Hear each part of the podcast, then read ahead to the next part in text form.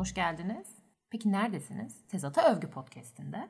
Bir deneme bölümü çekiyoruz. Bir pilot bölüm de diyebiliriz buna. Evde salonda masanın başına oturduk. Mikrofonu da aldık ortaya. Başladık konuşmaya. Tamam da niye başladık konuşmaya?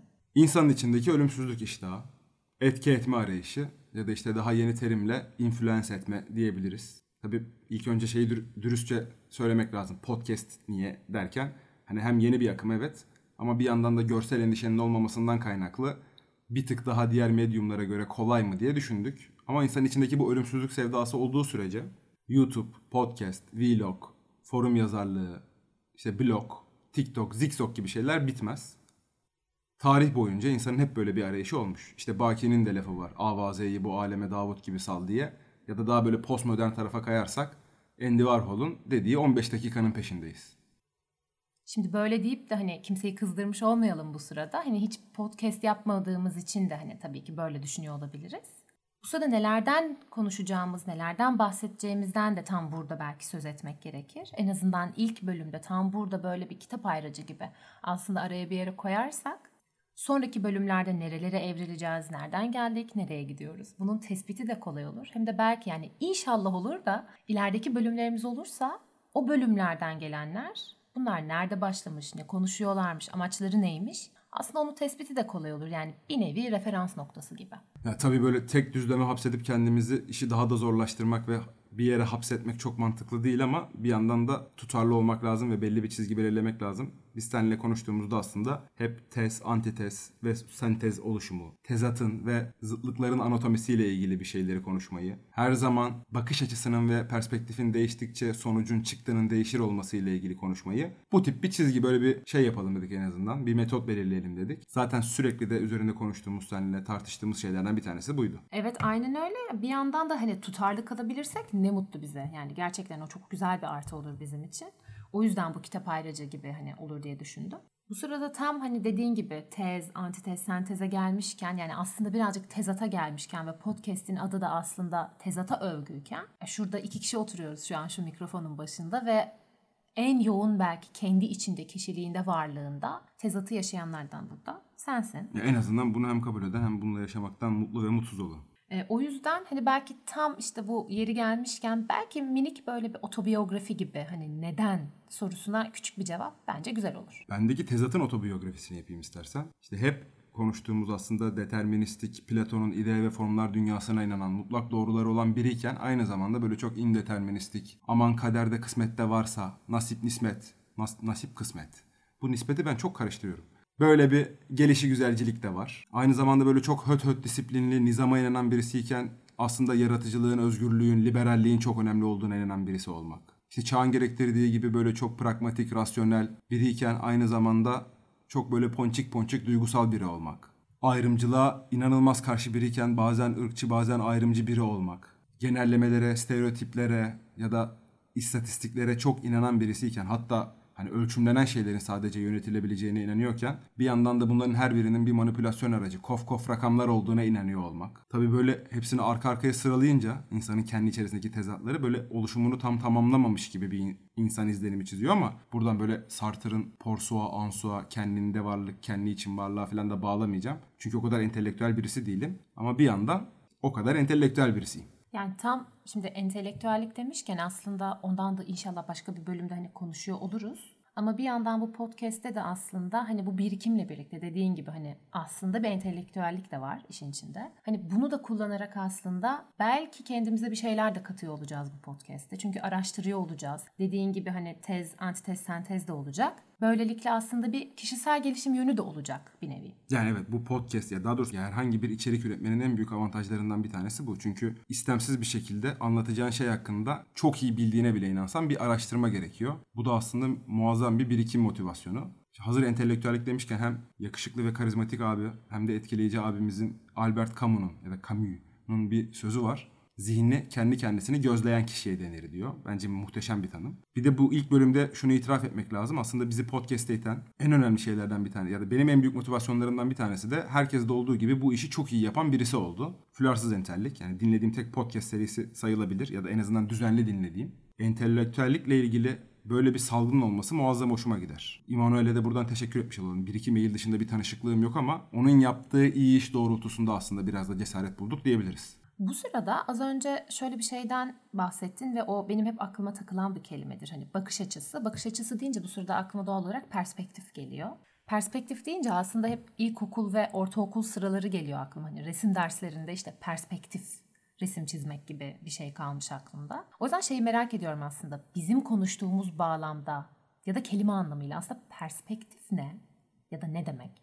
Yani Google'daki Wiki, Wiki abiye sorduğundaki ilk anlamı nesnelerin görünümünü 3 boyutlu olarak düz yüzeyde 2 boyuda indirgeyerek iz düşümlerini oluşturma tekniği ya da bu bir teknik. Zaten benim de perspektif deyince aslında ilkokuldan aklıma tek gelen şey elektrik direği. Çünkü hep bu elektrik direği ve karayollarındaki şerit çizgilerini çizdirerek öğretiyorlardı. Aslında bana kalırsa işte bu bizim podcast'teki bizim çizgimizle alakalı kısım biraz o iz düşümüyle ilgili. Çünkü biz çok bilişsel psikolojiye dalmadan aslında düşüncenin iz düşünümlerini de yani düşüncenin iz düşünümlerini de bulmaya çalışacağız ve ana temel bu tezatın doğuma, düşüncelerimizin doğuma ana kaynağına, motivasyon kaynağına inmeye çalışacağız. Etimolojisine asıl inersen de perspektif Fransızca bakış açısı demek. O da Latinceye perspectivus'tan geliyor. Yani bu spectivus'tan.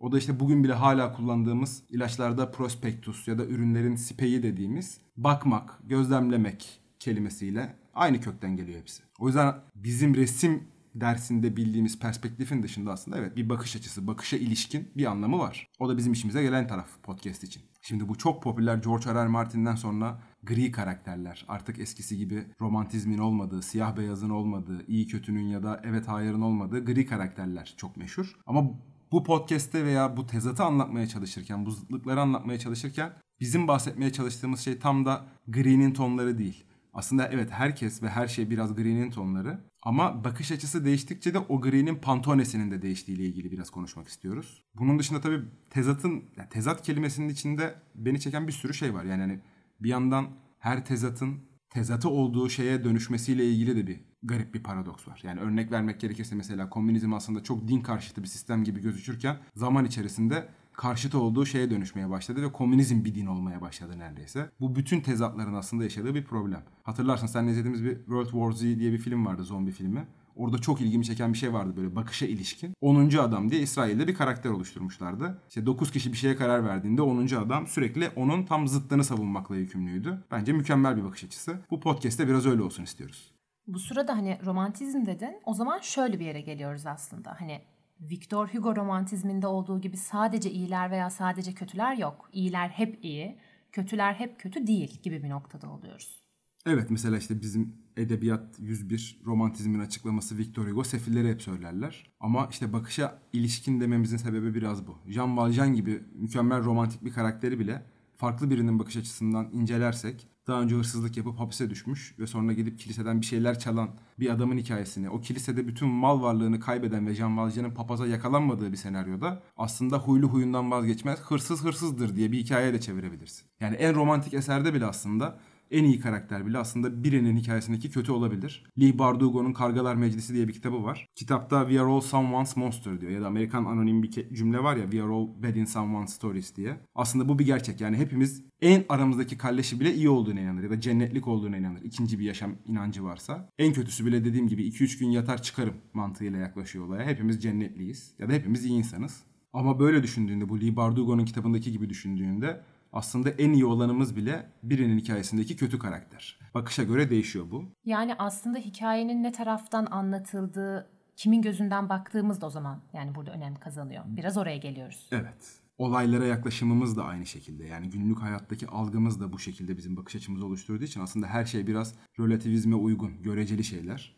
Mesela sana ufak bir hikaye anlatayım bu bakış açısıyla alakalı. Onu da ben kişisinden anlatayım. Ben kişisiyle anlatımları bayılıyorum biliyorsun yani bir Akdeniz ülkesinde ama o coğrafyaya çok da ait olmayan azınlık bir gruptan ve hor görülen bir azınlıktan olduğumu düşün ve sana hayatımla ilgili yaşadığım bütün trajik dramatik hikayeleri anlattığımı, ne kadar zor bir hayatım olduğunu biraz empatiyle sana iletebildiğimi düşün hikayede.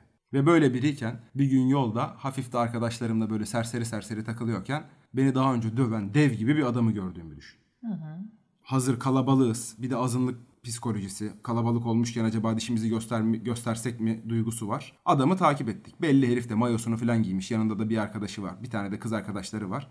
Bunlar sahile gidiyor. Takip ettiğimizi düşün. Adamdan zaten bir posta dayak yemişim. Bunun intikamını almak için gittiğimde adam dev gibi olduğu için beni bir daha eline geçiriyor. Bir daha pataklıyor. Bir de bir yandan arkadaşımı dövüyorlar. Ben can havliyle böyle cebimden çıkardığım çakıyla adamı bir hafif yaralıyorum. Ama sırf canımı kurtarmak için. Sonra da zaten topuklarım götüme vura vura koşarak kaçıyorum. Sonra bu dev gibi adamın arkadaşı beni kumsalda hazır dinlenmiş uzanıyorken ve yaşadıklarımın korkusuyla böyle tir tir titriyorken görüyor. Tedirgin oluyor. Ben de tedirgin oluyorum doğal olarak. Bir posta daha üçüncüye dayak yemek istemiyorum. Çaktırmadan elimi cebime götürüyorum ki hani bir daha saldırırlarsa kendimi koruyabileyim diye. Sonra karşımdaki adam da geriliyor ve ondan sonra sadece büyük bir gümbürtü duyuyorum. Sonra bana ateş etmesi yetmezmiş gibi ölmüş cesedime hala dört el ateş ediyor. Canice. Şimdi bu hikayeyi anlattığımda beni öldüren ve beni pataklayan adamlar hakkındaki düşüncen ne olur? Bunu biraz daha dramatize etsem çok vahşi olduklarını ve benim azınlıktan biri olduğum için bana ırkçılık yaptıklarını, ne kadar gaddar olduklarını düşünürüz. Vay şerefsiz derim. Aslında bu hikaye hepimizin çok yani birçoğumuzun en azından çok yakından bildiği, okuduğu, hatta okurken muhtemelen aslında ana karaktere empati kurduğu, işte Fransızcası Meursault olan, Türkçesi Mersault diye okuyabileceğin bu yakışıklı ve karizmatik abinin yabancı kitabından. Ben bu kitabı okurken mesela annesi öldüğünde bunu bile çok umursamayan, sonra sırf aman çok sıcak var, nem var deyip böyle tedirgin olup arkadaşının hasmını öldüren birinin hikayesini okumama rağmen sırf kurduğum empatiden, bakış açımdan, kitabın gelişiyle ilgili böyle bir sempati de beslemiştim kişiye karşı. Hatta yani hani o dava düşse de yırtsa sanki kitabın varacağı noktalardan bir tanesi de oymuş gibi geldi bana. Çok da üzülmezdim ama hikayeye başka bir yerden bakmak işi ne kadar değiştiriyor. Bu tabi bu en azından bu kitap nezdindeki parlak fikir bana ait değil. Kamel Davut yani Türkçesi Kamil Davut diye çevirebileceğimiz Cezayirli bir yazarın Merso Investigation diye bir kitabına ait. Kitabın orijinal dili Fransızca. Kitabın Türkçesi de yok ne yazık ki. Böyle Fransızca bilen filan birileri varsa bir frankafon bize çevirip maille en azından özetini anlatsa iyi olur. Çünkü ben sadece fikre hakim olabilecek kadar kitabı inceleyebildim. Evet eğer böyle kitabı inceleyip veya en azından içindeki belki önemli noktaları bize ulaştırmak isteyen olursa inanılmaz mutlu oluruz. Şimdi biz bu mecranın en azından biraz cahiliyiz ama en azından bir Instagram, Twitter gibi ya da işte bir subdomain altında web sitesi bir mail adresi ileterek hem bizim bu yaptığımız bölümlerdeki mutlaka yapacağımız yüzlerce hatayı düzeltmek isteyen, küfür etmek isteyen olacaktır. Hem önerisi olan olacaktır. Hem belki bir teşekkür etmek isteyen olacaktır. Bir de belki biz bu konuların üzerinden geçerken aslında işte bunları eksik ya da yanlış söylemişsiniz diye uyaranlar olacaktır. Onun için bir mail adresi bir yere bir şekilde iliştiririz. Her gelen yorum da iyi kötü eleştiri bizim için gayet iş yapar. Aynen öyle. Hani bunu sadece söylemiş olmak için de aslında söylemiyoruz. Yani her türlü gerçekten her şeyi paylaşabilirsiniz, yazabilirsiniz, söyleyebilirsiniz. Çünkü tamam biz burada kafa kafaya vermiş iki kişi konuşuyoruz ama sonuçta sizlerle birlikte hani yürüyecek bir şey. O anlamda değerlisiniz. Bekliyoruz. Esen kalın. Maske takmayı unutmayın.